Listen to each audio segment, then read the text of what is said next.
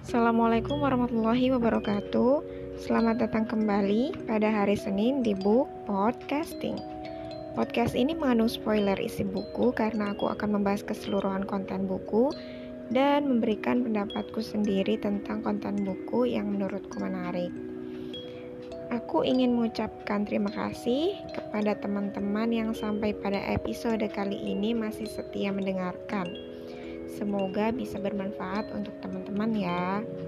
Nah, episode kali ini aku akan mereview buku dengan judul Cinta Karena Allah, Benci Karena Allah, karya Asyikh Yusuf bin Ismail Anabhani. Beliau merupakan keturunan dari Bani Nabhan, salah satu suku Arab Baduy yang tinggal di desa Ijzim, bagian utara Palestina. Ayah penulis merupakan seorang ulama Penulis juga merupakan seorang ulama yang memiliki hafalan Quran yang sangat baik dan juga merupakan lulusan Universitas Al-Azhar Kairo, Mesir. Beliau sudah tutup usia pada saat berusia 85 tahun di kota Beirut.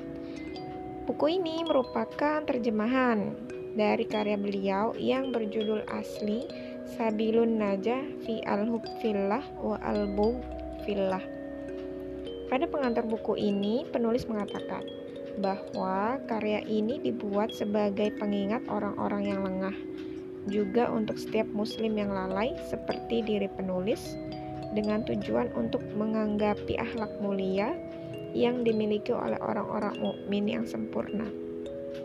Maksud dari judul buku ini adalah mencintai orang yang dicintai Allah seperti orang-orang mukmin, solihin, orang-orang yang memegang teguh agama dan golongan yang memang layak untuk dicintai juga membenci orang durhaka yang sudah sepantasnya untuk dibenci. Buku ini secara runut memberikan penjelasan tentang dasar-dasar cinta karena Allah dan benci karena Allah. Bab pertama berisi tentang ayat-ayat Al-Quran yang mendasari cinta karena Allah dan benci karena Allah. Bab kedua yaitu hadis-hadis yang jumlahnya ada 40 membahas hal yang sama. Kemudian bab ketiga merupakan pendapat dari para sahabat, salafus soleh, dan ulama. Bab keempat berisi pendapat dari Syekh Al-Akbar Muhyiddin Ibnul Arabi dalam kitabnya Futuha Al-Makiyah. Dan bab terakhir, penjelasan dari sudut pandang penulis. Nah, aku nggak akan menjelaskan panjang lebar dari bab 1 sampai bab 4, cuma yang menarik buat aku karena di bab terakhir ini ibaratnya adalah seperti kesimpulan dari isi bukunya karena bab pertama, kedua, ketiga itu sebagai pendahuluan menurutku ya karena isinya tentang dasar-dasar mengapa kita harus cinta karena Allah dan juga benci karena Allah dan sebagainya. Nah, pada bab terakhir, penulis menjabarkan macam-macam cinta menurut Imam Al-Ghazali. Yang pertama, cintamu kepada manusia karena semata-mata sosok orang tersebut. Maksudnya, engkau merasa nikmat dengan menatapnya, pengetahuannya, wataknya. Ini semua muncul karena penilaianmu dari bentuk penampilan orang tersebut atau sebab kesempurnaan akal, misalnya diperkati. Cinta seperti ini, menurut Imam Al-Ghazali, bukanlah ruang lingkup cinta karena Allah, tetapi cinta yang timbul karena naluri dan hawa. Kedua, cinta kepada sesuatu dengan maksud mendapatkan yang lain sehingga yang dicintainya itu sebagai atas perkara yang disukainya. Misalnya, cinta terhadap emas dan perak karena sebagai sarana untuk mencapai beberapa tujuan seperti kedudukan, ilmu, atau harta. Saat cinta kepada sarana dengan maksud seperti hal keduniaan saja, maka ini bukan dianggap cinta karena Allah.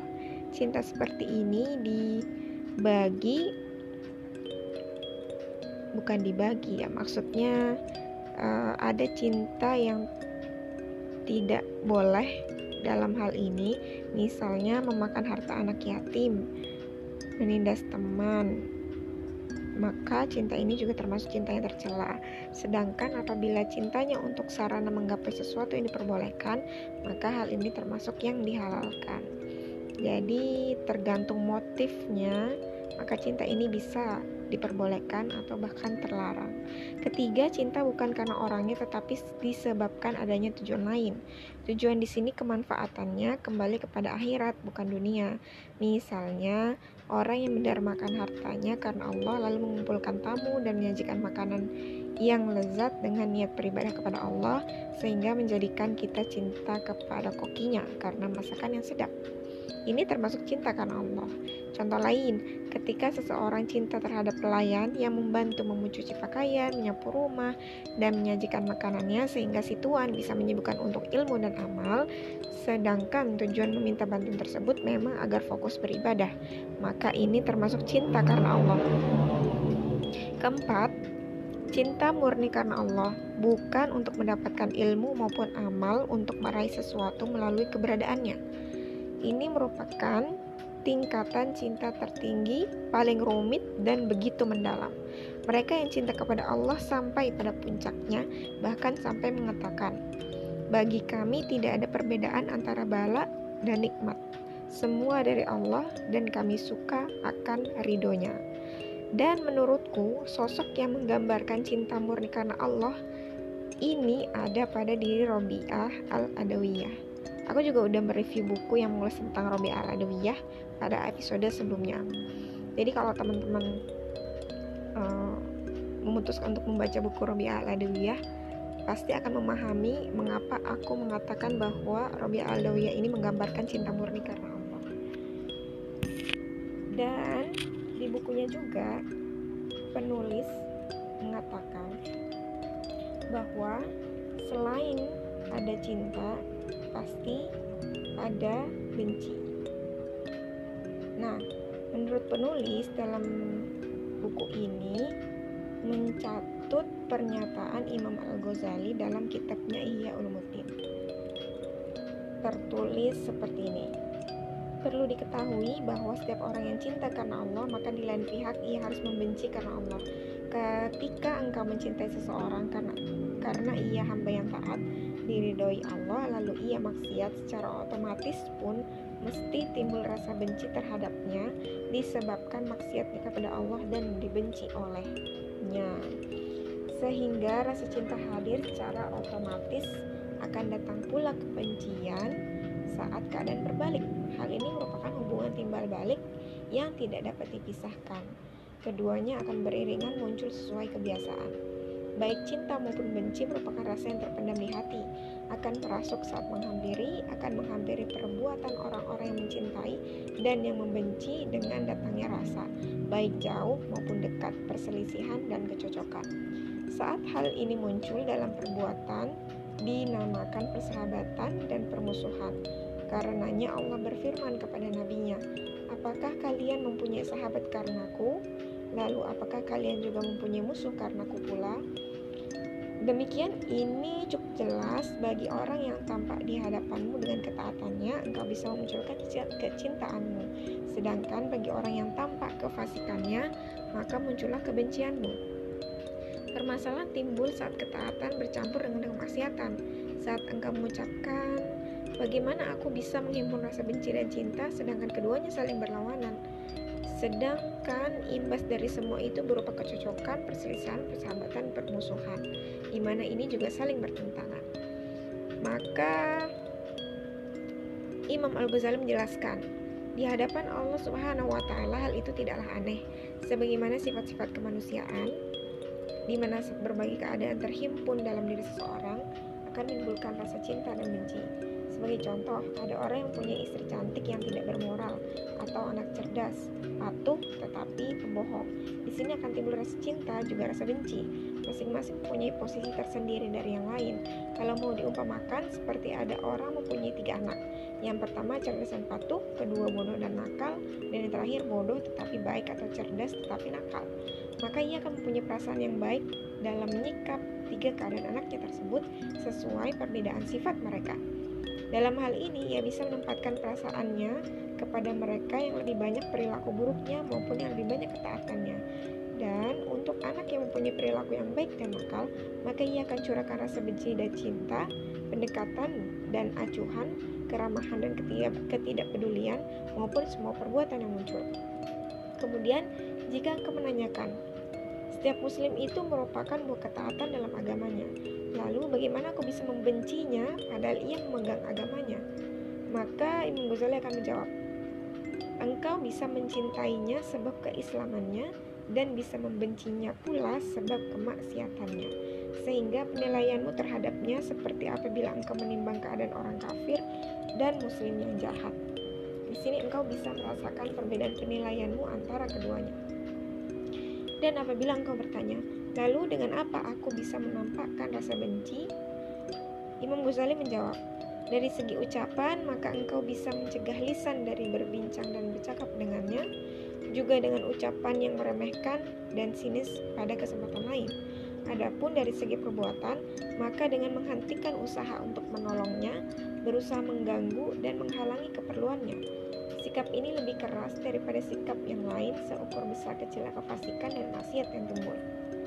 Adapun sikap kita kepada orang yang melakukan kesalahan diiringi penyesalan, dan tidak melanggengkannya, maka sebaiknya kita menutup rapat. Tetapi bagi orang yang terus-menerus berbuat dosa, baik kecil maupun besar, kalau orang tersebut mempunyai hubungan kuat di sisi rasa cinta, persahabatan, dan persaudaraan, maka ini ada hukumannya tersendiri. Adapun apabila tidak mempunyai hubungan kuat dari segi ukhuwah dan persahabatan, maka kita harus menampakkan imbas dari kebencian. Terkadang harus berpaling, menghindar dan cuek, terkadang juga dengan meremehkan dan sinis dalam ucapan, dan ini adalah bentuk penghindaran paling dahsyat yang timbul seukur besar kecilnya maksiat tersebut. Adapun dalam bentuk sikap perbuatan, maka hal itu ada dua tingkatan, yaitu dengan memutus pertolongan dan bantuan disertai tidak bersikap ramah, dan ini merupakan tingkatan yang paling rendah. Yang lain bisa dengan cara menghalangi tujuannya, seperti kepada pelaku maksiat yang dibenci Allah. Ini harus dilakukan tetapi dengan usaha yang bisa mencegah jalan menuju maksiat. Adapun apabila usaha ini tidak bisa membuahkan hasil, maka tidak perlu dilakukan. Kemudian di buku ini ada penjelasan lebih panjang sih sebenarnya dan disebutkan juga tingkatan-tingkatan orang yang dibenci karena Allah dan cara bergaul dengan mereka. Nah, menurutku buku ini cukup memberikan penjelasan dari kata yang sering kita katakan atau sering kita dengar yaitu uhib buka filah atau uhib buki filah. Dan menurutku buku ini cukup untuk memberikan pemahaman yang sebenarnya dari definisi uhib buka atau uhib buki filah. Teman-teman bisa membaca bukunya supaya lebih detail untuk memahami isi bukunya karena aku pribadi membaca buku ini ada beberapa bagian yang harus aku ulang-ulang supaya aku bisa benar-benar memahami dari pesan yang ditulis oleh si penulis. Sekian review buku pada episode kali ini. Sampai jumpa pada episode berikutnya. Assalamualaikum warahmatullahi wabarakatuh.